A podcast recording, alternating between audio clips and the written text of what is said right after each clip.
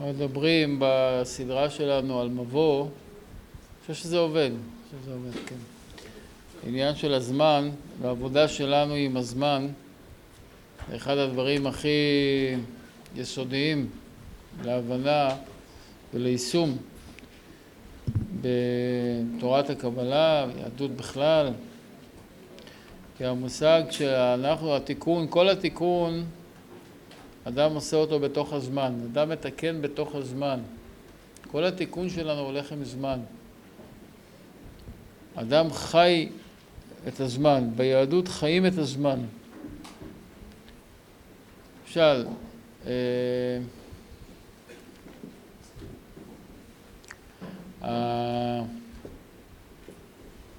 כתוב שאדם שלמשל רוצה באופן כללי לדעת את התיקון שלו, שידע שידע באיזה פרשה הוא נולד. פרשת שבוע. מה זה פרשת שבוע? פרשת שבוע מרמזת ומכילה את הכוח של אותו שבוע.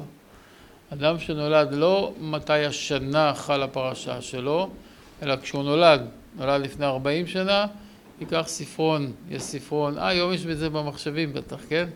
דפדף, תעשה ככה, זמן הלידה שלו, אולי שלושה דפדופים מגיע לזמן הלידה. ורואה את פרשת השבוע. בפרשה יש שם רמזים, לקרוא אותה עם אה, פירושים, יש אה, אה, רמזים על מה עיקר התיקון של הבן אדם. עכשיו הזמן, צריך להבין את המהות שלו. מהות של הזמן זה אור. אור, הערה. כל זמן, כל יום, כל שעה יש לה הערה אחרת. זמן ביהדות זה דרך שהבורא מעביר הערה לתוך העולם הזה. תכף אני אסביר את זה. כתוב ברמח"ל שאדם בא לעולם לתקן כך וכך ימים, מה שנקרא אברהם זקן בא בימים. מה הכוונה בא בימים? שהוא תיקן את כל הימים שהוא בא בשבילהם. מה זה, מה זה בא בימים? שהוא צריך לקבל כך וכך אורות. הנשמה שלו, וזה יהיה גמר התיקון שלו. אז כל אחד מאיתנו יש כך וכך ימים שצריך לתקן. וזה אורך החיים שלנו. אדם שמתקן את הכל, יכול להיות שאפילו ייפטר בגיל צעיר. אנשים מפחדים למות. אני חושב שהפחד העיקרי הוא כי לא תיקנו. כי אלה שכבר תיקנו, בכלל לא מפחדים למות. היו רבנים גדולים שהיו שומעים את אותם מתבדדים לקדוש ברוך הוא, ריבונו של עולם, די, קח אותי מפה כבר. העולם הזה זה כמו קופסה סגורה, זה קונכייה לעומת העולם העליון. אז פה עושים תיקונים. אדם שעושה את התיקונים שלו, כל יום ויום יש לו תיקון. כתוב בזוהר הקדוש, אם אדם מתקן יום, הוא עולה למעלה היום הזה, ונשאר באוצר הנשמות מחכה לאדם. אבל אם הוא לא מתקן את היום הזה, הוא הולך כמו נזוף בצד, לא מתוקן, והוא מחכה לתיקון, וזה יהיה או העונש של האדם או הגלגול הבא שלו. תבינו שאנחנו צריכים לתקן כך וכך תיקונים. אדם שלא עשה את זה בפעם ראשונה, יצטרך לבוא עוד פעם. זה נקרא תורת הגלגול. כי הזמן הוא מעגלי, זה כמו גלגל שבא לעולם, ויש מה שנקרא בזוהר הקדוש, נקרא תיקלה. תיקלה בארמית זה גלגל, גלגל של נשמות. שהנשמות באות לעולם בדיוק בזמן שמיועד להם. כל אדם יש לו זמן שהוא צריך להיוולד. ובזמן הזה זה המזל שלו. אנחנו נדבר על זה עוד. המזל קובע לאדם המון דברים, כמו בכלל מזל זה מלשון שפע שנוזל, מנזילה. מזל זה לא לקי, כמו באנגלית you are אתה בר מזל כאילו במקרה יצא לך טוב, זה לא נקרא מזל. מזל זה מלשון נזילה, כל, כל האמצעים או השפע הרוחני והגשמי שאדם מקבל בחיים שלו על מנת שיוכל לתקן, זה נקרא המזל שלו. אחד יהיה עשיר כי הוא צריך מזל עשירות בשביל לתקן. אחד יהיה עני כי הוא צריך לעשות תיקון על עניות. אחד יהיה כעסן, אחד יהיה עם הורים קשים, אחד יהיה... זה, זה תיקונים שאדם, הנשמה של האדם יודעת מתי לרדת, זה נקרא מעגל שהתיקלה מסתובב ואז הנשמה יוצאת בזמן הנכון, ברגע הנכון. מזה יש כמה נפקא מינות, כמה דברים צריך לזכור, לא תכננתי לדבר על זה אבל זה יוצא כנראה מי שצריך לשמוע. אחד, שאם אישה יולדת צריך להיזהר מאוד שלא לקבוע תאריך לידה, יש היום סגנון שקובעים מתי היא תלד, מזמינים את החדר האקסקלוסיבי ואת האפידורל ואת ההרדמות ואת הכל, היא רוצה ללדת מתוכנן, טעות גדולה.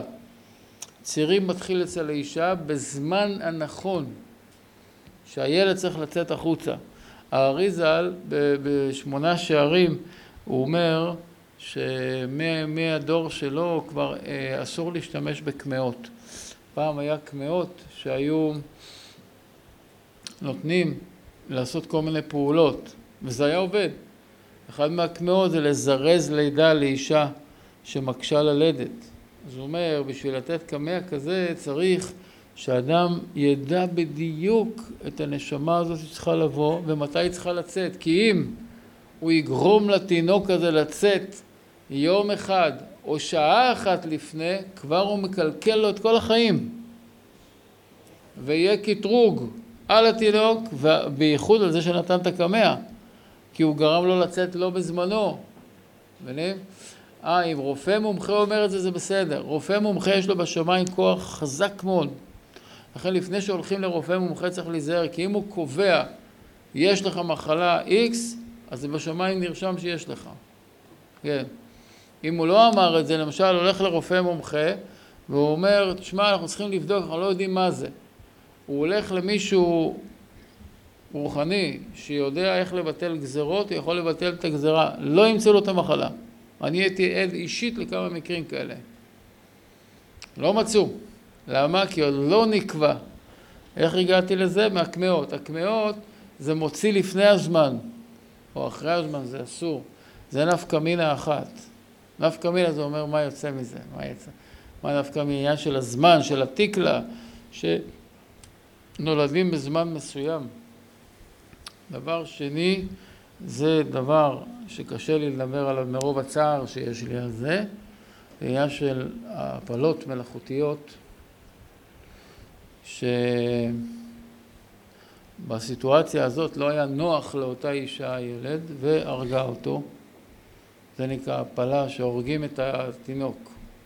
זה, לעניין הלכה זה ממש אה, רצח, כי 99.9 אחוז שיוצא מזה בן אדם כמו כל אחד מאיתנו.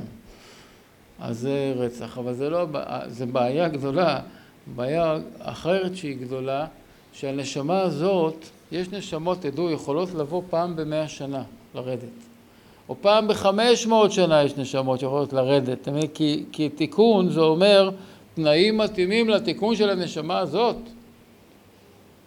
והוא צריך לבוא ביום המתאים עם האישה הנכונה והאיש הנכון והעיר הנכונה וזה ממש מי שקורא את זה בספרים זה יש כאלה סיפורים עם ראיות שהאריזה לא בעל שם טוב, יודעים בדיוק איזה נשמה צריכה לבוא, ממי ולמה וכולי, והולכים וחוקרים רואים שבאמת ככה. אז אם לקחו את הגוף של הנשמה הזאת, הנשמה הזאת מסתובבת ארטילאית, יכול להיות מאה שנה, ובאה בתביעות לאלה שעשו את זה. את ההפלה הזאת. אז אין לה תיקון, אין לה גוף, אין לה איפה לבוא. יש תיקונים לדברים האלה, אבל צריך לדעת שהיא לא יכולה לבוא בכל זמן הנשמה. עוד אמרתי לכם פעם, אני זוכר שדיברנו על זה פה, שיש כתוב בזוהר, יש נספה בלא משפט, שלפעמים לוקחים בן אדם בלי שהוא עשה משהו רע. מתי? כשרואים משמיים שאישה מסוימת צריכה ללדת בתאריך מסוים ילד, והבן זוג שלה מרחף בעננים עם איזה פטריה הודית או משהו, והוא בכלל לא בראש של להתחתן. אז מה עושים? מביאים לה בעל אחר, שהוא לא הבן זוג שלה, כדי שהיא תלד, והם מתחתנים. כדת משה בישראל מתחתנים, והכל נולד הילד הזה. רק בשביל זה חיתנו אותם. עכשיו ההוא, נגמר הפטריות, הוא חוזר, מה עושים? את הראשון צריך לסלק מהשטח. וכתוב שזה אחד הדברים הכי קשים לקדוש ברוך הוא. הדבר הזה, לכן כתוב קשה זיווגם כקריאת ים סוף, כי אלה מתים מפני אלה, אתם מבינים? כתוב שמלאכי השירה, השרת אמרו שירה שהיה את חציית ים סוף, אמר להם הקדוש ברוך הוא מעשה ידיי טובעים בים, הוא התכוון אל המצרים ואתם אומרים שירה? גם הם מעשה ידיי. אז זה דבר קשה. בכל אופן, מה אנחנו רואים? זמן זה קשור לנשמה. עכשיו, מה זה זמן? מה זה בעצם זמן? זמן זה שינוי צורה, כך אומר בעל הסולם. הזמן במהותו, תדעו, יש זמן של עולם הזה, ויש את הזמן העליון. למעלה הזמן הוא לא כמו פה. למעלה הזמן הוא מצבים. מצב, ועוד מצב, ועוד מצב, והם לא באים אחד אחרי השני, אלא הם כולם ביחד. תקשיבו טוב, כל נשמה ונשמה יש לה כך וכך מצבים שהיא צריכה לתקן. נגיד אלף מצבים, מצבים או נקרא לזה תמונות או עניינים. עכשיו בעולם העליון אין זמן. זה הכל נמצא בנצחיות כל הזמן. עכשיו אדם צריך לתקן. מכיוון שאנחנו חיים בעולם הזה, בגלל חטא הדם הראשון שנתגלגלנו פה למטה, כל, כל רגע מופיע תמונה אחת. לא יכול להופיע בחיים של אדם שתי תמונות בבת אחת. מכיוון שאנחנו בעולם הצמצום, כל פעם מופיעה תמונה אחת מהסרט שלנו, בואו נקרא לזה סרט במשל, כן? מופיעה תמונה אחת, זה הרגע הנוכחי. התפקיד של האדם, הרי אם תחשבו טוב, תראו שאין לנו הרבה תמונות בחיים. אנחנו קמים בבוקר עם אותו אישה בדרך כלל, אה, רוב המקרים. ואותם ילדים, אותה עבודה, אותם, אותם עניינים, אתה נוסע באותם פקקים, שומע אותם תוכניות, זה, מה זה, הסרט הוא די קבוע, כן? מדי פעם אתה יוצא לאיזה חופשה באיזה מקום, זה גם בתוך הסרט, אבל זה לא העיקר. התמונות הן די קבועות, ולמה החיים של האדם קבועים? כי יש לו את התמונות האלה לתקן. עכשיו הכלל הוא שאתה מתקן, אם תיקן את התמונה היא יוצאת מהסרט, היא לא חוזרת. אם היה לך איזה בעיה עם מישהו, ותיקנת, עשית תיקון המידות, עשית, אה, עשית תשובה על אותו עניין, התמונה הזאת לא חוזרת. כלומר, החיים שלנו יחזרו אין סוף פעמים לא נתקן אותם. אם נתקן אותם, אפשר לערוך את הסרט מחדש, בייחוד בראש השנה, נדבר על זה שבוע הבא בעזרת השם. שבוע הבא זה על ראש השנה, נכון? על מה השיעור? ראש השנה. כן, יש שיעור שבוע הבא. אנחנו עד הרגע האחרון, זה הכי טוב. הדבר הכי טוב זה ללמוד לפני ראש השנה. ללמוד, להכין את הנשמה. השנה הזאת בייחוד. ה' תשע"ה, התשועה. שומעים? ה' תשע"ה. חיכינו לשנה הזאת הרבה זמן, כתוב עליה בזוהר וכולי, תשועה. צריך ממש להתכונן טוב. השתבח שמו, אנחנו ממש קרובים. ככה אומרים לנו, אנחנו תמימים ומאמינים. אז מה זה הזמן? זה שינוי של מצבים, שינוי רצונות. ש... שמצ...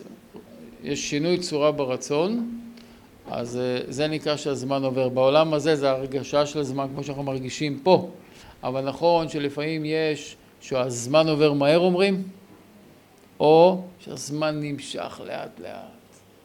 מתי הזמן עובר מהר? שאין הרבה שינויי צורה, שאתה דבוק במשהו אחד, מאוד מעניין אותך משהו אחד, ואתה דבוק בו חזק חזק, אין לך הרבה שינויים, אתה לא משוטט.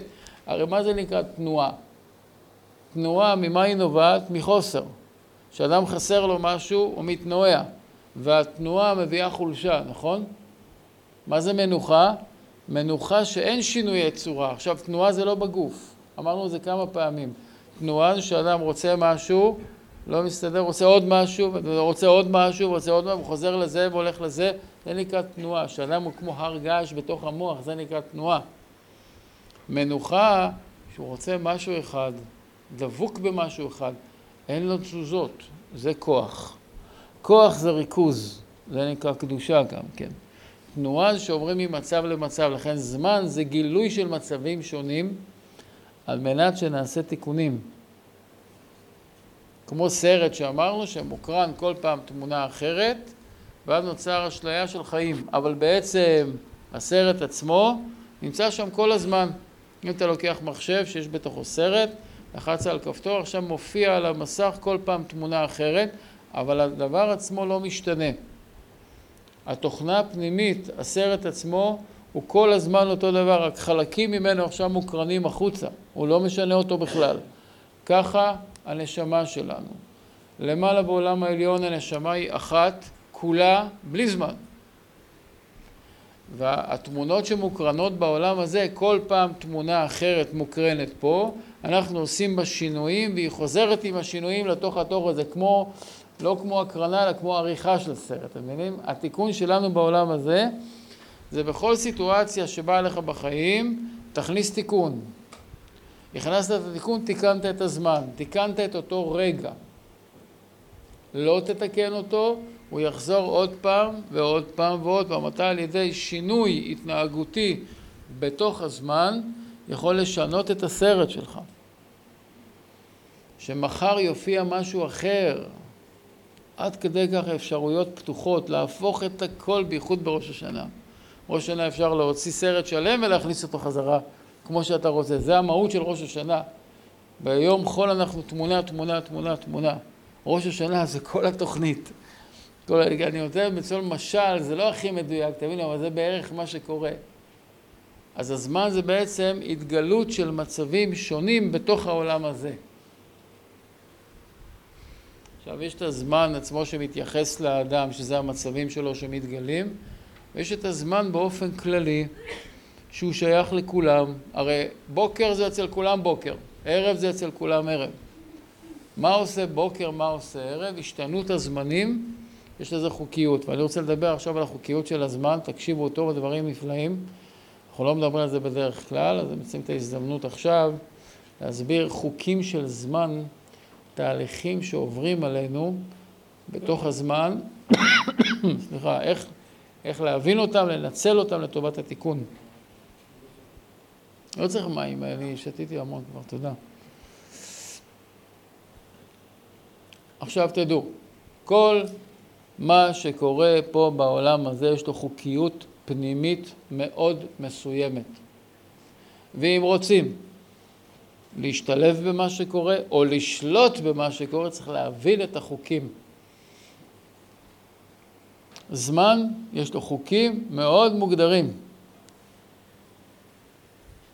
ולהבין אותם זה דברים נפלאים. ואצלנו בתורת הקבלה יש את ההבנה הכי עמוקה של זמן. הכי עמוקה. אתן לכם דוגמה, אצל הסינים, אתה לומד את הרפואה הסינית, אז אצלהם החוקיות הולכת על יין ויאנג. מכירים את המושג הזה? כוח ייני זה הכוח הפסיבי, כוח יאנגי זה הכוח האקטיבי, המהיר, התנועתי. זה העיגול הזה שיש להם לבן כזה, ושנהיה דק, ובאמצע נקודה שחורה, ושחור שנהיה באותה צורה, ובאמצע נקודה לבנה. הלבן זה הכוח היאנגי, השחור זה הכוח היאנגי. אז הם את כל התופעות שבטבע הם מגדירים על פי אין ויאנג. איש ואישה זה אין ויאנג, שמיים וארץ זה אין ויאנג. אז גם את הזמן, ובזה הם צודקים, כי גם בקבלה זה, הש, זה השורש. הרי מה ההבדל בין כל הפילוסופיות המזרחיות לבין הקבלה? שהפילוסופיות המזרחיות זה היה אנשים עתיקים, מתבוננים מאוד חזק, והם קלטו את החוקיות שבטבע. החוקיות שבטבע היא תולדה של החוקים העליונים, מבינים? אז יש חוקיות בטבע שמה? שרואים מעגלים שמסתובבים כל הזמן, יום זה מעגל, שבוע זה מעגל, חודש זה מעגל, הם ראו את המעגל, הם ציירו את העיגול הזה, ואמרו החוקיות בתוכו זה אין ויאנג. מה הפירוש? שיש זמן של אור וזמן של חושך. והם עשו מין יחס כזה ביניהם, שכשהאור עולה החושך יורד, כשהחושך עולה האור יורד, מבינים? זה תמיד אחד ביחס לשני, זה לא דבר מוחלט. אז איך הם תיארו את היממה? את הזמן? אני אתן לכם את הדוגמה שלהם, אחרי זה תבינו איך זה אצלנו, תבינו את ה... פחות או יותר את ההבדל. למרות שאי אפשר יהיה להבין את זה לעומק. הם אמרו זמן של יום זה יאנג, נכון? זמן של לילה זה יין. יאנג זה אור, זה חום, תנועה. לילה זה חושך, זה פסיביות, זה אין. אז הלילה זה הזמן השחור, השחור, החלק השחור בתמונה. אבל האם כל הלילה שווה? אמרו לא. כל הזמן זה בתנועה. כמות החושך מול האור תמיד משתנה, וזה גם מה שאנחנו חושבים. כמות החסד לעומת כמות הדין, זה דבר שמשתנה. אז למשל, כשיש לנו זריחה, מה זה זריחה? נגיד אם זה האור, צד ימין שלכם, וזה החושך, מה קורה בזריחה? הם שווים, נכון? זה משתווה, אבל מה התנועה בזריחה? האור עולה והחושך יורד באותה מידה, מבינים? חושך יורד באותה מידה שהאור עולה. עולה, עולה, עולה עד מתי? מתי שיא האור? בצהריים, נכון? צהריים זה שיא השמש בשיא השמיים. ואז האור מתחיל לרדת והחושך מתחיל לעלות. בחוץ אמנם אתה רואה אור, אבל כבר האור בירידה. אבל למה אתה רואה אור? כי הוא עדיין יותר מהחושך. זה ממשיך לרדת והחושך עולה עד מתי? שקיעה. בשקיעה עוד פעם הם שומעים, אבל החושך בעלייה. ואז הוא עולה עד מתי? עד חצות. בחצות לילה מה קורה? עוד פעם מתהפך. החושך מתחיל לרדת, האור מתחיל לעלות. עכשיו תגידו לי, לפי זה, מתי האור מתחיל? בחצות לילה. בזמן שאנחנו חושבים שהוא השיא החושך, שם מתחיל האור. הנה, זו הבנה נכונה של הזמן. למה מקובלים קמים בחצות לילה ללמוד? כי אם אתה רוצה את ההערה, אתה רוצה לשלוט באור, לא לשלוט, לשלוט מילה לא טובה. אתה רוצה להתחבר לאור בצורה הכי חזקה, תתחיל מההתחלה. מרגע שהוא מתחיל, מתי זה? קום עשר דקות לפני חצות, תיטול ידיים, תתכונן. מתחיל משהו חזק מאוד. תתכונן לאור. תתחבר אליו בהתחלה, אתה מחובר, אם אתה מתחבר עד הצהריים, כל היום הזה מתוקן, נקרא מי שער מחצות לילה עד הבוקר ועוסק בתורה, נמשך עליו חוט של חסד, ששום אויבים לא יכולים לשלוט עליו, והוא כל היום שמח וטוב לב, ככה כתוב בספרים. למה? הוא מחובר לאור כל הזמן. טעות גדולה זה לקום בשעה שמונה. מה קרה בשמונה? רוב ההערה כבר התבזבזה שאתה חורף. חבל. מה אנשים עושים? ערים בזמן של השקיעה וקמים בזמן שכבר אה, עוד מעט ירידה. אגלה לכם סוד גדול עכשיו, רוצים לשלוט בעיירה, תקומו לפחות כמה דקות לפני עלות השחר. או לפחות לפני הזריחה. אבל אחרי הזריחה כבר זה... תמיד זה כבר אה, מגולה. אתה צריך... אם אתה מתחבר בניסטר, כמו מה, איפה, איפה, איפה קורית הגדילה של הצמח הכי הרבה? מתחת לפני האדמה, עוד שזה לא נראה. זה השלב מה? מרגע שאתה שם את הזרע באדמה, מתחיל לצמוח, הוא עוד לא עבר את פני האדמה, נגיד הוא צומח, צומח, צומח. איזה שלב זה? מחצות לילה עד הזריחה. פה זה כבר פסח, פה זה כבר פריצה של האור החוצה. כבר גילוי. אתה צריך להתחבר אליו שהוא עדיין ב... זה חצות לילה, קום להודות לך, מי שרוצה שליטה, חיבור טוב לאור, יקום בארבע, יקרא כמה פרקי תהילים, אפילו עשרים דקות רק, כל היום שלו שונה. נסו אותי בזה, זה לא אותי, כן, זה דברים שהם, אה, זה היסודות שלנו, אתם מבינים? אז הסינים הלא, הם לא משתמשים בזה, למה? כי אנחנו מדברים על הרוחניות. כי אנחנו אומרים שהזמן הוא ביטוי לא רק של אין ויאנג, של שבעה כוחות. נקרא שבע ספירות תחתונות. שש מהן זכריות ואחת מהן נקבית. בכלל, כל התופעות של עולם הזה הן נשלטות על ידי המספר שבע. שבע, שזה כל התופעות שהן באות לידי ביטוי בחומר, כמו מוזיקה. מוזיקה זה דבר רוחני. הרמב"ן אומר שמוזיקה ואש זה שני הדברים שהם בין הגשמי לרוחני. כלומר, אתה רוצה להתחבר לרוחני, מוזיקה מחברת, כתוב שנביאים שהיו מתנבאים, כתוב והיה כנגן המנגן, היה לפניהם מנגן, היה כנגן המנגן ושרתה עליו הרוח, הרוח התחילה לשרות והיה מתחיל להתנבא על ידי הניגון, כי ניגון הוא ממוצע בין רוחני לגשמי. אז הניגון הוא רוחני שיורד לתוך הגשמי. איך הוא יורד? על ידי שבע ספירות. הרי שבע ספירות תחתונות זה שבעה כוחות שהם הסטיקרים של העולם, או נגיד, הם אבני הבניין. הם האנרגיות שבונות העולם. העולם הזה, הגשמי והרוחני שבגשמי, זה שבע. אין יותר משבע. לכן יש רק שבעה צלילים ביקום. אין יותר משבעה צלילים. דו רמי פסול לסי וחוזרים לדו. אין יותר. יש חצאי צלילים וכולי, וזה, יש פה כאלה שמבינים יותר טוב ממני, אבל בטבע יש רק שבעה, תאספו את כל הקולות שיש, זה יתחלק תמיד לשבעה תדרים ראשיים. למה? כי הכל בא דרך שבע ספירות. תיקחו אור לבן, תעבירו אותו בפריזמה, משולש כזה, שבעה צבעים. מהסגול, שהוא התדר הכי גבוה, עד לאדום שהוא התדר הכי נמוך. לכן בורגראנץ' באיזה צבע משתמשים? אדום בעיקר, קוקה קולה, אדום, התדרים הכי נמוכים של האזורים הכי נמוכים בגוף. האנרגיות הכי נמוכות זה האדום. זה צבע של פיתוי, כי הוא נמוך. למה אנשים, פעם אמרנו דווקא נשים, אבל היום לא, כולם עומדים מול הראי, מחליפים את הבגד הזה, את החולצה הזאת, את הפפיון הזה. מה, מה הם עושים שם? הרי מה זה צבע? עוד פעם, זה ביטוי של אנרגיה, של ספירה. אז אתה עכשיו חסר באיזושהי אנרגיה, אתה תבחר את הצבע שחסר לך אנרגטית. אדם לובש אדום, חסר לו אש. אדם לובש שחור, חסר לו יסוד המים. זאת אומרת, זה הכל התאמות של תדרים. אז זה דרך שבע ספירות. ההבנה הכי עמוקה של הדברים האלה, הרי הסינים גם דיברו על זה בצורה מסוימת, אבל ברובד של אנרגיה, של צ'י, אנחנו אומרים שהשורש של הדברים האלה זה רוחני, וברוחניות זה שבע ספירות. לכן מי שלומד את הספירות ואת הביטוי שלהם, הוא שולט בדבר מלמעלה. הוא מבין אותו מהמקור, מהשורש. אז מה זה זמן? זמן זה ביטוי של אור אלוקי בתוך הרובד הזה של העולם הזה בשבע פאזות.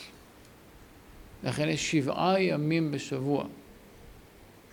לכן העולם נברא בשבעה ימים, והעולם יהיה שבעת אלפים שנה. כתוב שיט אלפי שנינה ועלמא וחד חרוב. כלומר, ששת אלפים שנה יהיה העולם כמו שאנחנו מכירים אותו, וחד חרוב, זאת אומרת האלף השביעי, האלף השביעי חרוב. מה זה חרוב? שיחרב הצורה הקודמת, ייבנה צורה חדשה. שיט אלפי שנייה ועלמא וחד חרוב. כלומר, כל המציאות של הזמן, כתוב ימי שנותינו בהם שבעים שנה, ואם בגבורות שמונים שנה, אבל הימים שלנו שבעים שנה. זה לא שאדם יחיה רק שבעים שנה, פעם חיו תשע מאות שלושים שנה. אלא החוקיות של הזמן של החיים שלנו הולך עם המספר שבע. הזמן הוא פועל על פי המספר שבע. לכן יש שישה ימי חול ויום שבת, יום השביעי. עכשיו, מה זה אומר לנו שזה הולך ככה? אלא יש שבעה כוכבי לכת בשמיים. זה הולך, כן, זה הולך מהאותיות לספירות, לכוכבים, לתוך העולם. כוכבים, מזלות, עולם. עכשיו, החוקיות של הזמן הולך לפי שבע ספירות שמשפיעים על שבעה כוכבים, נקרא שצ"ם חנקל, שבתאי צדק מאדים, כוכב נוגה, לבנה, שבתאי, אה, לא, אה, שצ"ם, טוב, לא חשוב, זה ראשי תיבות, אני לא, לא זוכר אותם בעל פה. אלה שבעה כוכבים ששולטים בעולם. כוכב אמרנו שיעור קודם, זה שתי צירופים, כ"ו וכ"ב. מה זה כ"ו? שם הוויה. מה זה כ"ב? האותיות, הכלים, כן? כלומר, הכוכבים מעבירים השפעה רוחנית מאין סוף ברוך הוא משם הוויה אל תוך העולם הזה. יוצא שהזמן, שליטת הכוכבים, הזמן הוא בעצם דרך להעביר השפעה רוחנית לתוך העולם. אבל זה הולך עם סדר. השבע הספירות הן מתגלות אחת אחרי השנייה. נקרא חסד, גבורה, תפארת, נצח, הוד, יסוד, מלכות. לכן כל יום בשבוע נשלט על ידי ספירה אחת. יום ראשון הוא יום של חסד. כתוב יהי אור ויהי אור, ויהי ערב ויהי בוקר, יום אחד. מה נברא ביום הראשון? אור. חסד. המפרשים אומרים שהכל נברא ביום הראשון, רק עוד לא יצא. זאת אומרת, זה יום של אחדות. יום שני, ספירת הגבורה, קו שמאל. מה זה קו שמאל? מחלוקת. לכן מה קרה ביום השני? מים מעל הרקיע, מים, יש פירוד בין המים שמעל הרקיע, מים שמתחת לרקיע, נהיה מחלוקת. לכן יום שני זה מחלוקת. יש עניין בחז"ל שלא להתחיל בשני ולא לסיים ברביעי, כי זה ימים של מחלוקת. היום לא נוהגים בזה כל כך, אבל ככה היו עושים פעם. גם לא לאכול זוגות, למשל אתה אוכל תמרים, אל תאכל שניים, תאכל או אחד או שלוש, ככה היו נוהגים, יש כאלה לא מקפידים על זה. למה? כי על שניים יש פירוד. חוץ מאיפה שיש שלושה, למשל איש ואישה זה שניים, אבל שכינה ביניהם, מבינים? שבת, שתי חלות, אבל האדם שמברך, אז יש לא כל שניים, אלא עם שניים שהם בפירוד, שאין ביניהם את הגורם המחבר. אז לכן היום השני הוא מחלוקת, היום השלישי, עוד פעם איחוד, תפארת. וכן על היום רביעי חמישי, יום שישי אני לא אכנס לכולם כי זה, הדברים האלה ארוכים. יום שישי הוא יום מיוחד. מה זה יום שישי? זה יום שהוא מעבר. זה לא יום רגיל. שאר הימים ימי חול גמורים, ראשון, א', ב', ג', ד', ה'. יום שישי הוא יום של מעבר. חציו חול וחציו קודש, הכנה לקודש כבר. לכן זה יום של שינוי. עכשיו תשימו לב טוב. השישי תמיד הוא זמן של שינוי, תכף תבינו למה. שש, כשמגיע המספר שש, תמיד זמן של שינוי, שעובר, הרי, הספירות האלה זה תהליך, כן? זה מתחיל בחסד, עובר לגבורה, נגיד, אכלת את הפרי הראשון, תמיד זה טעים, נכון? השני, פחות טעים. מאותה, למה? למה הוא פחות טעים השני? אצל כולם זה ככה, נכון? אל תגידו לי לא. רק אצלי? הראשון הוא חסד, השני הוא גבורה. אז הגבורה זה כבר מחלוקת, זה כבר יצא מהאחדות של הראשון.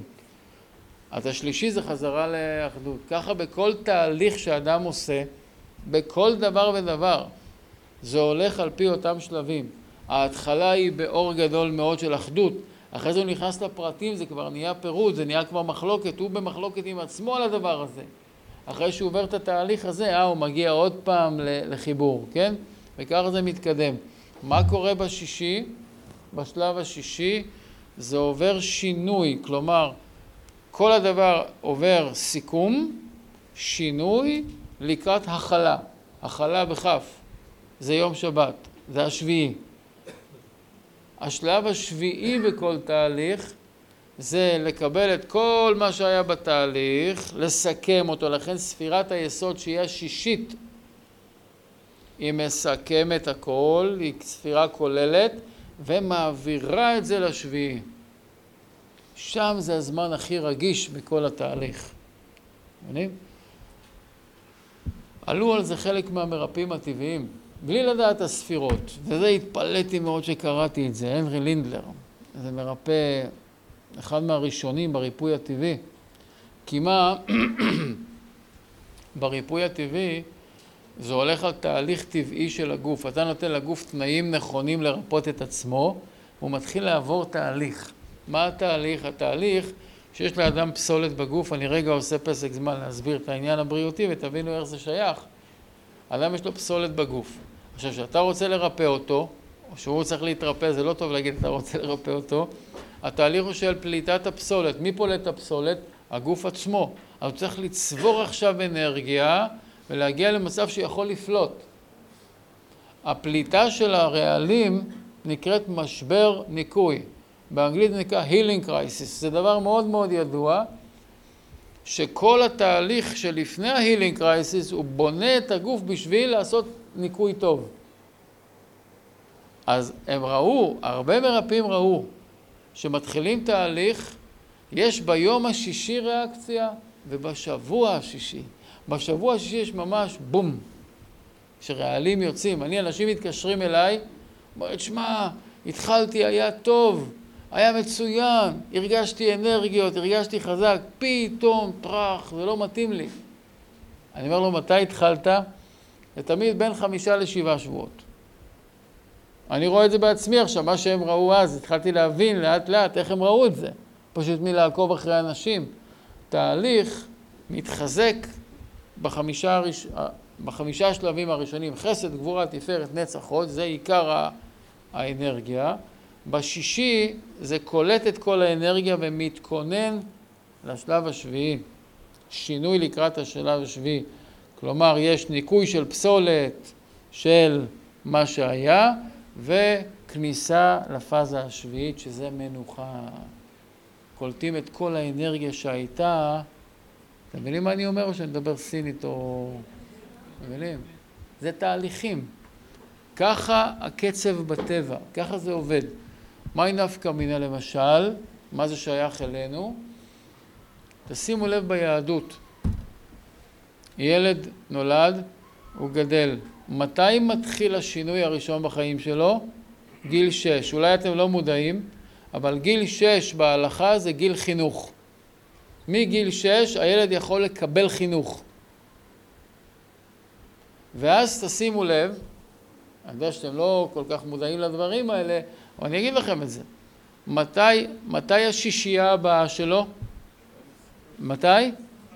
לא 12. הרי אם אתה אומר שזה שביעיות, נכון? בגיל 6 הוא התחיל לעבור חינוך, תוסיף עכשיו לשישייה הבאה זה עוד שבע. תחשבו רגע מה אני אומר.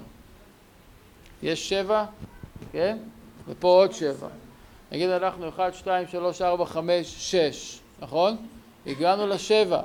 עכשיו עד לשש הבא, כמה יש לי? 1, 2, 3, 4, 5, 6, עוד שבע. כלומר, כל פעם תוסיף שבע על השישייה הראשונה, תגיע לשישייה הבאה. ברור? תראו רגע מה אני אומר.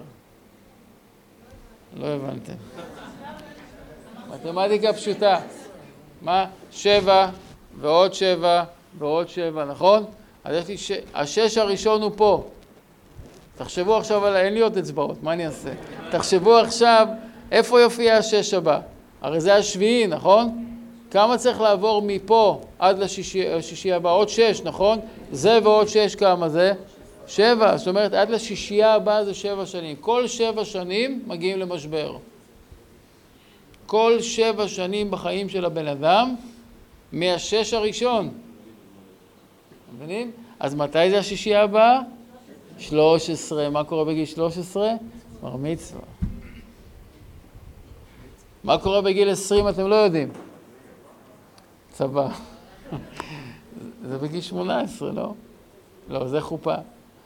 בגיל עשרים יש מדרגה נוספת שהנער עולה והוא נעשה ראוי לדין שמיים. עד גיל עשרים לא ראוי לדין שמיים, כלומר נוסף לו עכשיו רוח.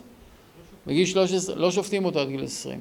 מגיל עשרים ראוי בדין שמיים, עד גיל עשרים בדין הארץ. זאת אומרת, עבר עוד פאזה. קחו כל שבע שנים, מה קורה? יש, הרי אדם עובר תהליכים בחיים שלו, זה לא סתם, זה, זה על פי סדר. ופה צריך להיות ערני ולראות ולהסתכל ולראות שזה באמת ככה עובד. אז אדם עובר תהליכים.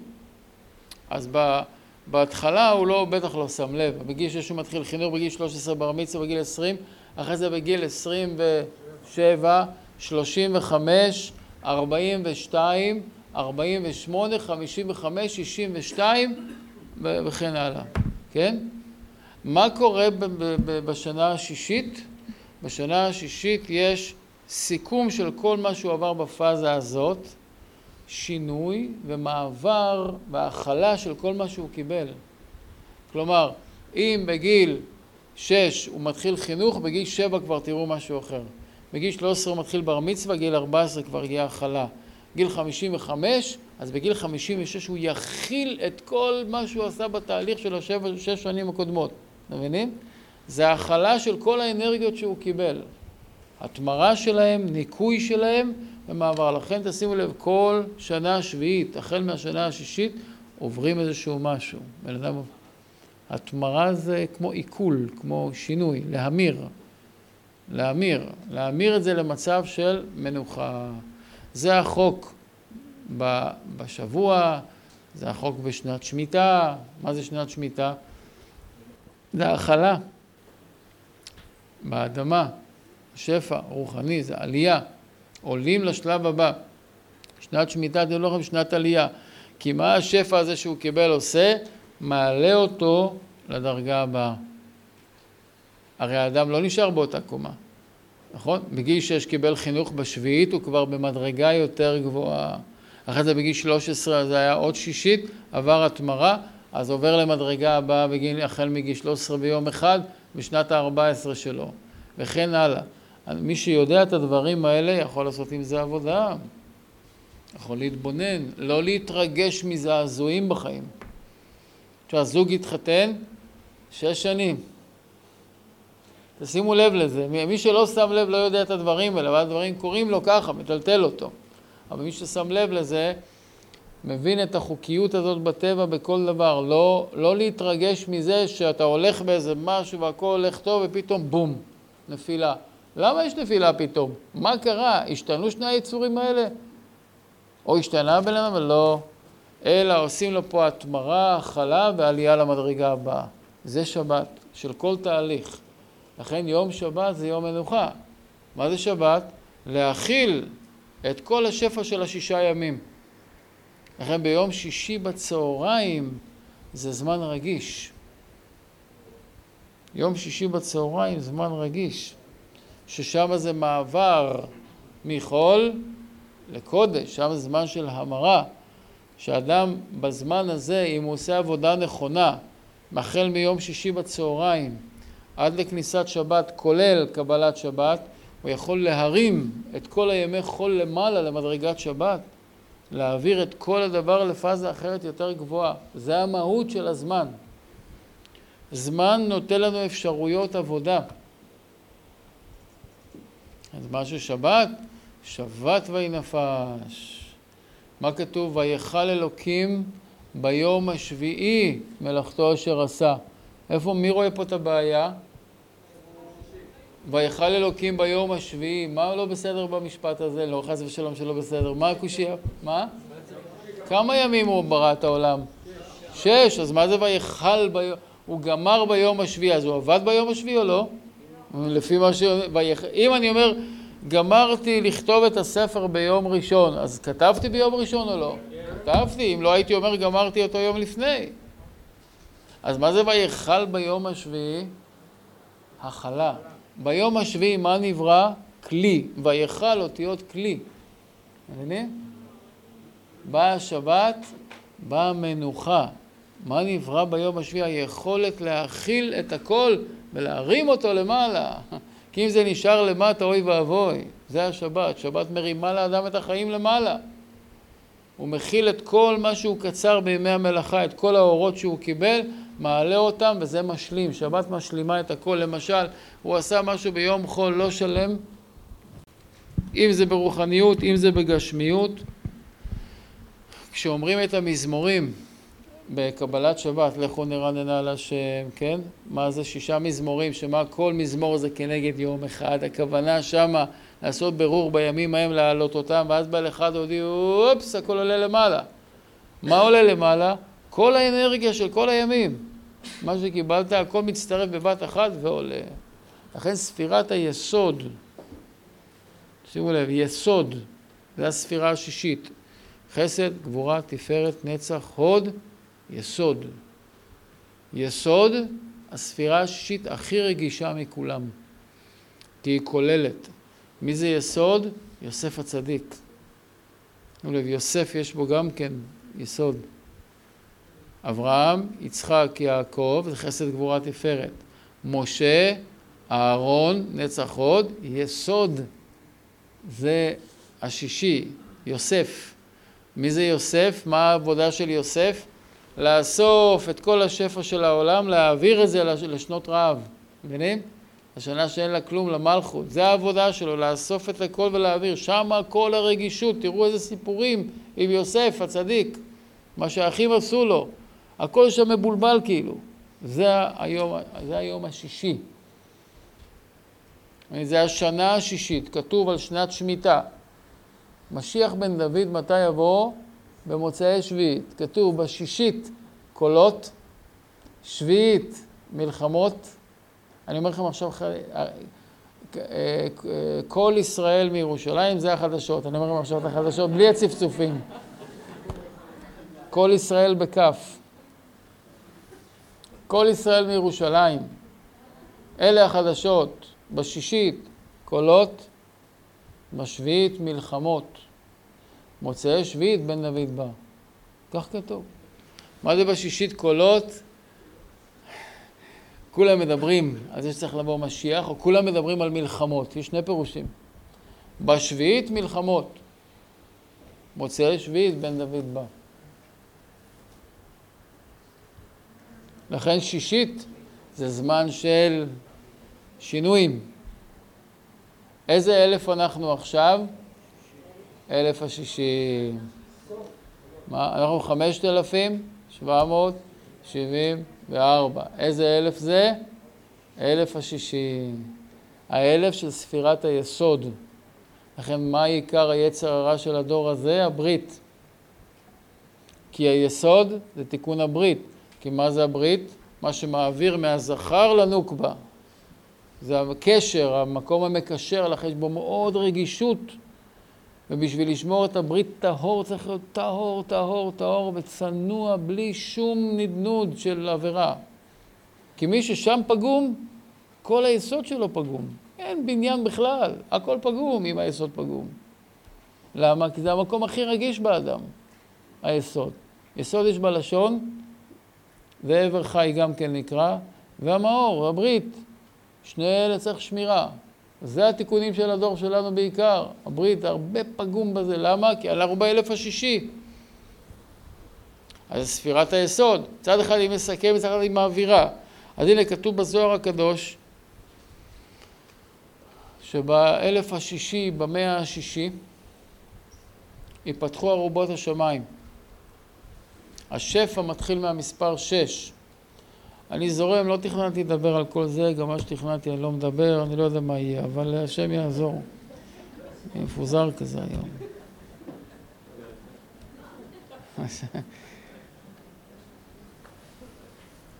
הכתוב, המספר שש, הוא מסכם ומעביר. אז האלף השישי זה חמשת אלפים ו, נכון? כי גמרנו חמשת אלפים שנה, נכנסנו ל... על האלף השישי, ושש מאות שנה, חמשת אלפים שש מאות שנה זה המאה השישי, באלף השישי פתחו ארובות השמיים, כמו בימי נוח. מתי, מתי התחיל המבול? שש מאות שנה לחיי נוח. נוח נקרא צדיק, צדיק זה ספירת היסוד, לכן זה שנת שש מאות. אז כתוב בזוהר הקדוש, בחמשת אלפים שש מאות שנה יפתחו ארובות השמיים ותרד חוכמה לארץ. וזה היה לפני 170 משהו שנה, בדיוק כשהתחילה כל המהפכה הטכנולוגית, התעשייתית, החשמל, הרנטגן, הכל התחיל אז. למה? חושבים שבני אדם פתאום מצאו כל מיני המצאות? לא. זה הזמן שהתחילה לרדת חוכמה לשמיים, מהשמיים, וזה בזכות גילוי ספר הזוהר שהיה בערך באותו זמן. כי זה זמן, זה אנרגיה של זמן. מה הזמן הזה? זמן של מעבר. הזמן זה זמן של מעבר מחול לקודש. עכשיו, חז"ל מאוד התעסקו עם הזמן. כל דבר הולך על הזמן, התיקון חייב לבוא בזמן שלו. כל תיקון צריך להיות בזמן. נקרא עולם שנה נפש, שתיקון צריך להיות, השנה זה הכוונה, הזמן בשנה. לכן החוקים, החוקים של הזמן שווים לגמרי לגבי יום אחד לגבי שבוע, לגבי חודש, לגבי שנה. זה אותם חוקים בדיוק. זה מעגלים של זמן. כמו שביום יש לנו מה שאמרתי, חצות לילה מתחיל האור, ובבוקר בזריחה האור יוצא החוצה, עד חצות היום ששם זה מתחיל לרדת, ככה זה גם כן בשנה. מה יש לנו בשנה? חצות לילה זה ט"ו בשבט, ככה אמרו המקובלים. שם מתחילה ההערה בניסתר. וזה הולך ומתחזק, ט"ו בשבט היה לפני כמה חודשים, מתחזק, אה, סליחה, זה מדבר על החורף, שיא החורף, ט"ו בשבט, כן? מתחיל כתוב, השרף להתחיל לעלות באילנות, אז זה זמן של חצות לילה שהאור מתחיל מתחיל השרף לעלות באילנות, אבל לא נראה שום פרי. מתי זה יוצא? בפסח. פסח זה נקרא אביב, זה כבר זריחה. אז זה הזריחה של השנה. ואז אה, החצי השני, שזה חצות לילה, אה, שזה חצות יום, ששם מתחיל החורף, זה תשרי, בתשרי. תשרי זמן של דין. הרי, הר הבוקר זמן של אור, זמן של חסד. הלילה זמן שמתחיל הדין, זה החודש שאנחנו מתקרבים אליו, חודש הרחמים, הסליחות, והחודש של דין, יום הדין. מה קורה פה? אור ישר, אור חוזר. יש לזה הכל הסברים על פי תורת הקבלה. כל חגי ישראל, מה הם בעצם? כתוב באריזה שכל החגים בשנה שלמה, אם לוקחים את כל האנרגיות שמופיעות בכל הימים, כולל החגים והשבתות, יש את כל האנרגיות שאדם צריך בשביל לגמור את התיקון שלו. כל מה שאדם צריך, אם היה יודע לתקן את כל הימים, היה משלים את נשמתו בשנה אחת. ככה היו כאלה כמו אריזל ורבי נחמן, רואים, נפטרו בגיל מאוד צעיר. 38, 48 וכולי. למה? הם ב... הרב אשלה גמר על עצמו שבגיל 24 הוא גמר את התיקון שלו. הוא לא היה לו מה לתקן יותר. כל הסיבה שהוא נשאר פה זה להעביר לנו את הידע הזה. הוא לא היה צריך להישאר פה מצד עצמו. למה? יודעים לעבוד בזמן, יודעים לעבוד עם הזמן, יודעים לעשות את התיקונים בתוך הזמן, אז הנשמה מתקנת יותר מהר. עכשיו אני רוצה להקריא לכם קצת מהגמרא, להראות לכם שחז"ל מאוד התייחסו לעניינים האלה. תראו מה כתוב במסכת שבת. כתיב הפנקס של רבי יהושע, כתוב בפנקס של רבי יהושע בן לוי, היי מאן דבחד בשבא, מי שנולד ביום ראשון בשבת, יהיה גבר ולא חדה בה. זאת אומרת, הוא יהיה עם תכונה אחת חזקה, או טובה או רעה. זו תכונה של מי שנולד ביום ראשון. מי שנולד, אה, אה, כן, היי מאן דבתרבשה, מי שנולד ביום שני, פה הוא מתייחס ליום, כן? מה זה, על מה זה הולך הדבר הזה? יש בחז"ל עניין שכתוב למשל בתיקוני זוהר, שהיה רבי אלעזר בן פדת, היה עני גדול מאוד, היה תנא קדוש ומקודש, אבל היה עני. ואז הוא פעם היה מאוד חולה, ותוך כדי המחלה שלו, הנשמה שלו עלתה למעלה, ועמדה לפני מלך מלכי המלכים. אמר לו, ריבונו של עולם, למה אני כל כך עני? הרי אני עובד השם, צדיק, למה? תן לי לפחות עניות של פעם שאין מה לתת לילדים לאכול, ילדים הולכים שם רעבים, אין, אין אוכל. אמר לו, מינימום אני רוצה, לא להיות עשיר, רק תן לי שנוכל לעבוד אותך בנחת. אמר לו, כך כתוב בתיקוני זוהר, מזל שעה גורם. מזל שעה גורם. זאת אומרת, בגלל שאתה נולדת במזל יורד, מוסבר שם שיש מזל עולה, מזל יורד. מה זה מזל עולה? כשאדם, הנשמה שלו מתעברת, לא נולדת, כן? מתעברת בזמן שהירח מתמלא. זה יהיה לו בחצי הראשון של החודש.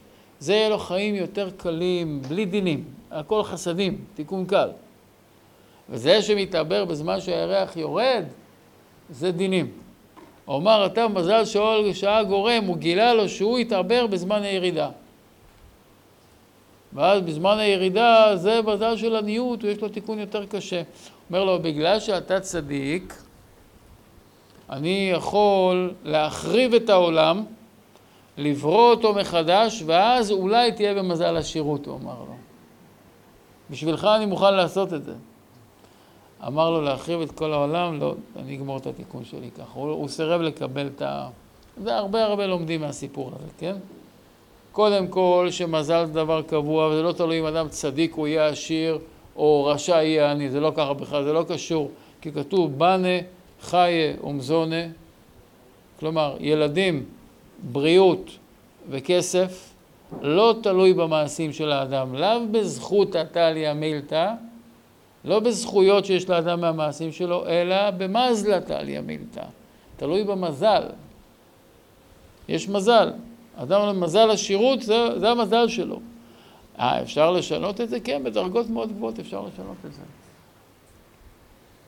אצל צדיקים ראינו יצחק ורבקה, או אברהם ושרה, לא היה שם ילדים במפה האסטרולוגית. דרך אגב, במפה האסטרולוגית לא לעשות. כי יהודי לא שולט עליו הדברים האלה. ואם אדם עושה מפה אסטרולוגית, נהיה לו פתאום קיבעון כזה על מה שאמרו לו שם, לא טוב. יהודי הוא מעל המזל, מעל הזמן. אם הוא עושה מה שצריך, הולך מעל הזמן. בכל אופן, יש מצבים שאפשר לשנות. אז זה נקרא מזל שעה. יש מזל יום, מזל שעה. פה רבי יהושע בן לוי מדבר על מזל יום. מי שנולד ביום א' יהיה ככה. מי ש... אני אקרא את זה מהר כי אני לא רוצה להסביר את זה, רק להראות לכם שיש את הדברים האלה. מי שנולד בשני יהיה כבר רגזן, הוא יהיה כעסן. למה? מה איתם? משום דהפליגו במאיה. זה יום של מחלוקת, כמו שאמרנו קודם. אז הוא יהיה בעל כעס. הנטייה שלו הטבעית לכעס, אם רבי יהושע בן לוי אומר את זה, זה ככה, או יש עוד דעות, כן? אז הוא יהיה, הוא יהיה כעסן. מי שביום שלישי בשבת יהיה עשיר וזנאי, כלומר בעל תאווה. למה? כי נבראו בו העשבים, זה קול של צמיחה, פריאה ורבייה. אז יהיה בו עשירות ויהיה בו תאווה. נא לא להסיק מסקנות מרחיקות לכת עכשיו, כן? להירגע. אני שומע כבר חלק מכם ברברים בראש כל מיני דברים. אה, אשתי, וואי וואי וואי וואי, זה... עכשיו אני מבין הכל. הגמר. פתאום הוא מאמין בגמרא מוחלט, דרך אגב, כן?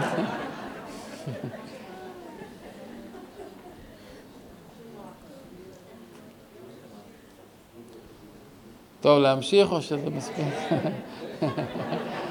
אבל לא לעשות, תראו, הטעות היא לקחת קטע קטן כזה ולהגיד, אה, אתה ביום שלישי, אני יודע עכשיו הכל, אני יודע... לא. בן אדם זה הדבר הכי מורכב בעולם, תלמד אפילו עוד עשר שנים דברים כאלה, אתה לא תוכל לדעת את האמת עד שייתנו לך השגה וראייה, אתה לא תוכל לדעת. אתם מבינים? לא להסיק מסקנות. חוץ מזה, הערה שנייה, אפילו אם זה נכון, ובאמת אלה הנטיות, ואני ראיתי הרבה שזה הנטיות, אפשר לשנות את זה כי אנחנו מעל המזל, תבינו. על ידי עבודה רוחנית נכונה אפשר לתקן, ונטיות כאלה אפשר לתקן. וזה היה ויכוח פה אחר כך שכבר לא נגיע אליו. היום אני קצת ממהר, אני, מחילה, אני אומר, אני אסיים בחמישה לעשר, נתפלל שער ערבית, כי יש לי איזה משהו, אבל uh, מה שנצליח, נצליח. מי שברביעי בשבת יהיה חכם ומאיר. למה? כי נבראו בו המאורות. מי שבחמישי בשבת יהיה גומל חסדים. גומל חסדים כי נבראו בו דגים ועופות. דג זה גומל דלים, כן? דג, זה ג' ד' וכולי, ויש בזה עוד כמה עניינים. מי שנולד בערב שבת ביום שישי יהיה חזרן במצוות, כלומר הוא ירצה מצוות, הוא יחזר אחר במצוות. ומי שבשבת אה, ימות בשבת, או שיש פה עוד משהו כזה, שהוא יהיה מאוד מאוד קדוש וכולי. אחרי זה באה דעה אחרת, שאומר רבא, אומר, תגידו לרבי יהושע בן לוי שלא מזל יום גורם, אלא מזל שעה גורם. על כל שעה ביום שולט כוכב אחר, ואני לא אכנס לזה, הכל מפורט פה בגמרא, שבת, דף קנ"ו, ופה אפשר לראות את זה. שיש על כל שעה ביום כוכב, כוכב שבתאי ושעתיים נדמה לי, על כל שעתיים, כוכב מסוים, שבתאי, חמה, לבנה, ופה הוא מפרט את הדברים האלה, ואז דווקא איזה שעה ביום שאדם נולד. ואחרי זה בא ויכוח בין חכמים, יש מזל לישראל או אין מזל לישראל? אחד אומר מזל מעשיר, מזל מחכים, אחד אומר אין מזל לישראל. ואז נפסק בסוף, הרי שניהם צודקים. יש מזל ואין מזל. אלא למי יש מזל? למי שחי מתחת לכוכבים ומזלות, המזל שולט עליו שליטה מוחלטת. מה שכתוב פה בדיוק זה מה שיהיה איתו. לכן אפשר לצפות הרבה דברים עליו. לא רק מהקטע הזה, כי פה אין מספיק אה, ידע מבינים את זה. אבל מי שחי בצורה רוחנית, בצורה רוחנית, אז הוא מעל המזל. ואז המזל שנקבע ביום הלידה, אפשר לבטל אותו. כמו שראינו על ידי תפילה, רבי אלעזר בן פדת וכולי וכולי. עכשיו, זה, חז"ל עבדו עם זה הרבה, וכל העבודה שלנו בקבלה, ביהדות, הולכת על העניין של זמן, למשל, בוקר, זמן תפילת שחרית, אחרי הצהריים זמן תפילת מנחה, בערב תפילת ערבית, ג' קווים, כן? יש לנו פסח, זה קו ימין, למה זה חסד, זמן שהאור מתחיל. תשרי זה החגים האלה, קו שמאל, שבועות, קו אמצעי. כל דבר יש לו את האנרגיה שלו בהתאם לזמן, אני רק נותן פה על קצה המזלג ממש נקודות. עכשיו צריך לדעת גם דעת המקובלים לגבי איפה אנחנו עומדים בזמן עכשיו. אז אמרנו את זה פה פעם אחת, אני אגיד את זה עכשיו כי זה שייך פה בשיעור על זמן. אנחנו נמצאים באלף השישי, שאמרנו שזה זמן של שינוי, כן, ואחרי המאה השישית כבר. אנחנו בחמשת אלפים שבע מאות שבעים וארבע, עוד כמה ימים, חמש. חמשת אלפים שבע מאות שבעים וחמש, שבאופן כללי מה שאמרו על הזמן הזה, שאלף שנים בעיניך כיום אתמול, כך כתוב. אלף שנים בעיניך כיום אתמול, כלומר, כל אלף שנה שלנו זה כמו יום אחד של הבריאה. אז הבריאה, היום הראשון, מתי הוא מתחיל? מוצאי שבת, נכון? היום ביהדות מתחיל מצאת הכוכבים מהלילה. אז יום א', האלף שנה הראשונות, זה היום הראשון של הבריאה, מתחיל ממוצאי שבת עד יום ראשון בערב, נגיד שעה שש, נגיד באופן עגול, משש עד שש זריחה, שש שקיעה, כן? אז יום, יום ראשון בשש בערב נגמר האלף הראשון. אלף השני, יום שני בערב, אלף שלישי, יום שלישי בערב, אלף חמישי נגמר ביום חמישי בערב בשעה שש. עכשיו, אם אלף שנה זה עשרים וארבע שעות, כמה זה חמש מאות שנה? שתים עשרה שעות, נכון? ערנות, רבותיי, ערנות. אז עכשיו, 5,500, איפה אנחנו עומדים בימים? מ-6 בערב, ועוד 12 שעות, 6 בבוקר, יום שישי, 6 בבוקר, כן? עכשיו, 5,000, זה 5,500, עכשיו 250 שנה זה 6 שעות, נכון? הם אומרים 5,500 ועוד 250, 5,750 12 בצהריים, זה המפתח, להבין את זה. הבנתם למה? 250 שנה בקונספט של הימים זה 6 שעות. אם אלף שנה זה 24 שעות, 250 זה רבע, זה 6 שעות. אז אם ב-5500 לפני 274 שנה היינו ביום שישי בבוקר. תוסיפו 250 שנה שזה 6 שעות, אנחנו יום שישי בצהריים. מה כתוב על יום שישי בצהריים בהלכה? שמיום שישי בצהריים מתחיל האנרגיה של שבת. העולם מתחיל להשתנות. כלומר, להלכה אסרו על האדם לעסוק בענייני חול. מיום שישי בצהריים, מי שעוסק בענייני החול לא רואה סימן ברכה. ומתחיל הכנות כתחדניות לשבת. מיום שישי בצהריים אנרגיה אחרת לגמרי. זה מלפני 24 שנה התחיל המהלך לקבל תאוצה חזקה מאוד, שזה ערב שבת. מה עושים כל הנשמות עכשיו? כולם מחכים לשינוי גדול, נכון? אנחנו לא דור שעכשיו, כמו לפני אלף שנה, הכל אותו דבר, עגלות, סוסים, הכל, לא היה שינויים. הדור הזה, מה המהות שלו? מרוב שאנחנו בתוך זה, אנחנו לא שמים לב. כל יום שונה. איזה אייפון יצא עכשיו? שש, שמתם לב? אני ידעתי את זה, בשביל זה אמרתי, שמעתי את זה בחדשות. איזו אופוריה גדולה, יצא אייפון 6. אמרתי, הנה שש, הגיע סוף סוף ה... בעזרת השם. אייפון זה בעין, אמרתי לכם? אייפון מלשון עייפות של הנשמות.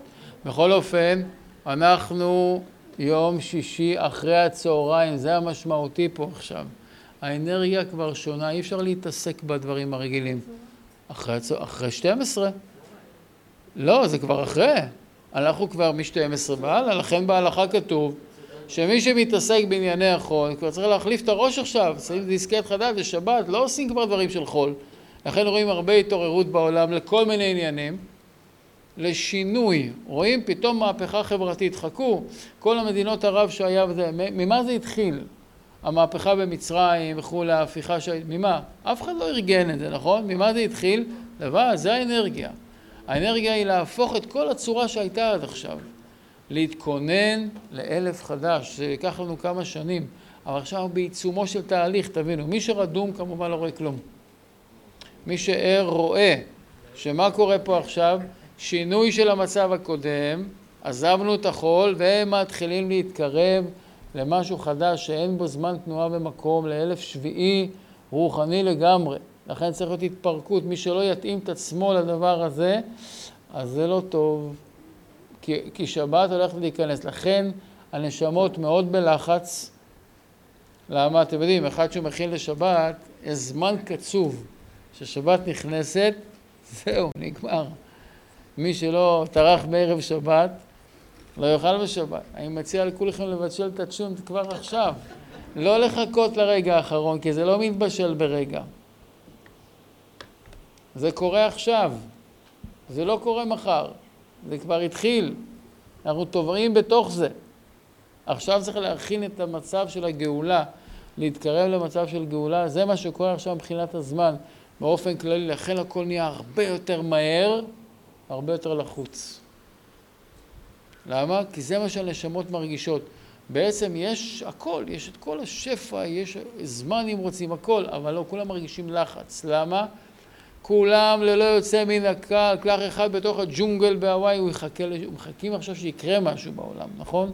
לא משנה איך מגדירים את זה, כולם מצפים שיקרה משהו, איזה פיצוץ, ולצערנו זה לשם זה, אם אנחנו לא נעשה שינוי, אנחנו, עם ישראל, יכולים לשנות הכל. לא נעשה שינוי, כי כתוב ככה, בעיטה אחישנה. הגאולה תבוא או בעיטה בזמנה, או שאפשר להחיש אותה. אם אנחנו מבינים מה זה עניין של זמן, שזה שינוי מצבים, אם אנחנו מבינים כמה מצבים צריכים לעבור עד הגאולה, אפשר לעשות את זה זריז מאוד. מבינים? אם לא נעשה את זה בצורה מודעת, זה יקרה לנו לאט לאט על ידי דברים לא נעימים. זה בעיטה. כרגע, אמר הרב בשבוע שעבר, נראה לנו שאנחנו בעיטה. אנחנו עוברים תהליך של בעיטה. אבל עד הרגע האחרון לא מתייאשים מאחישנה. כי ההבדל בין בעיטה לאחישנה זה הבדל בין נהרות של דם למחולות עם משיח וריקודים ושמחה. זה ההבדל. מבינים? ככה כתוב בספרים, אני לא ממציא שום דבר. וזה מה שאנחנו עכשיו עוברים, ורואים שהעולם, מי שעיניו פקוחות, רואה מה קורה עם כל הארגונים האלה, כל המלחמות שמסביבנו, רואה שמתבשל פה משהו גדול מאוד של בום גדול בין אסלאם לנצרות, שככה אמר החפץ חיים. שאלו אותו אם כשהתחילה מלחמת העולם הראשונה, זה כבר משיח, כי חיכו לגוג ומגוג, וזה נראה הכי דומה לגוג ומגוג. הוא אמר לא, זה יתחלק לכמה חלקים, תהיה ראשונה, יהיה הפסקה, תהיה שנייה, ואז תבוא השלישית שהיא תהיה החמורה מכולם. הוא אמר ששם יהיה אסלאם נגד נצרות, ויהיה מלחמה עקובה מדם. והם באמצע יעצרו ויגידו, רגע, הכל בגלל היהודים, מה אנחנו נלחמים אחד בשני? אבל מרוב השנאה שיש ביניהם, תדעו שיש שנאה עצומה ביניהם. הם לא יוכלו להפסיק, אבל בסוף הם יתאחדו ויבואו כולם על ירושלים, ואז יהיו הניסים הגדולים של אה, גוג ומגוג על פאתי ירושלים. רק דבר אחד אמרו להעביר לציבור ממטה הגאולה מלפני אלפיים שנה בתנת ואליהו, לא לפחד. לא לפחד. יבוא משיח והוא יגיד, בניי, אל, אל תתיירו, אם היה לי תנת ואליהו הייתי מקריא לכם לפני אלפיים שנה, שכתוב שקם המלך הפרסי ורוצה להחריב את כל העולם כולו. מלפני אלפיים שנה ידעו שהאיראני הוא יהיה הסכנה של העולם. והם, תדעו לכם, עומדים מאחורי כל הדשים האלה וכל אלה, זה תמיד אותו אחד, המלך הפרסי. אז הוא אומר, אל תתייראו, כל מה שעשיתי, עשיתי בשבילכם. רק מה צריך? אהבת ישראל, שמירת הברית. זכרו, זה מה שמגן. מה הגן על יוסף במצרים? זה. מה הגן על היהודים במצרים? זה, שמירת הברית. מי שלא יודע מה זה, שילמד. זה מה שמגן על כל אחד בפרט ועלינו ככלל. השם יעזור שהכל יבוא בשמחה וריקודים. צריך להתפלל ראש שנה, זה, אנחנו מאמינים, בני מאמינים. 90% מעם ישראל מאמינים בקדוש ברוך הוא, וזה רק עניין של זמן, שזה יתגלה גם על פני השטח. ובעזרת השם הזמן יעשה את שלו, אומרים שהמרפא הכי גדול זה הזמן ותבוא גאולה בקרוב, תפילת ערבית.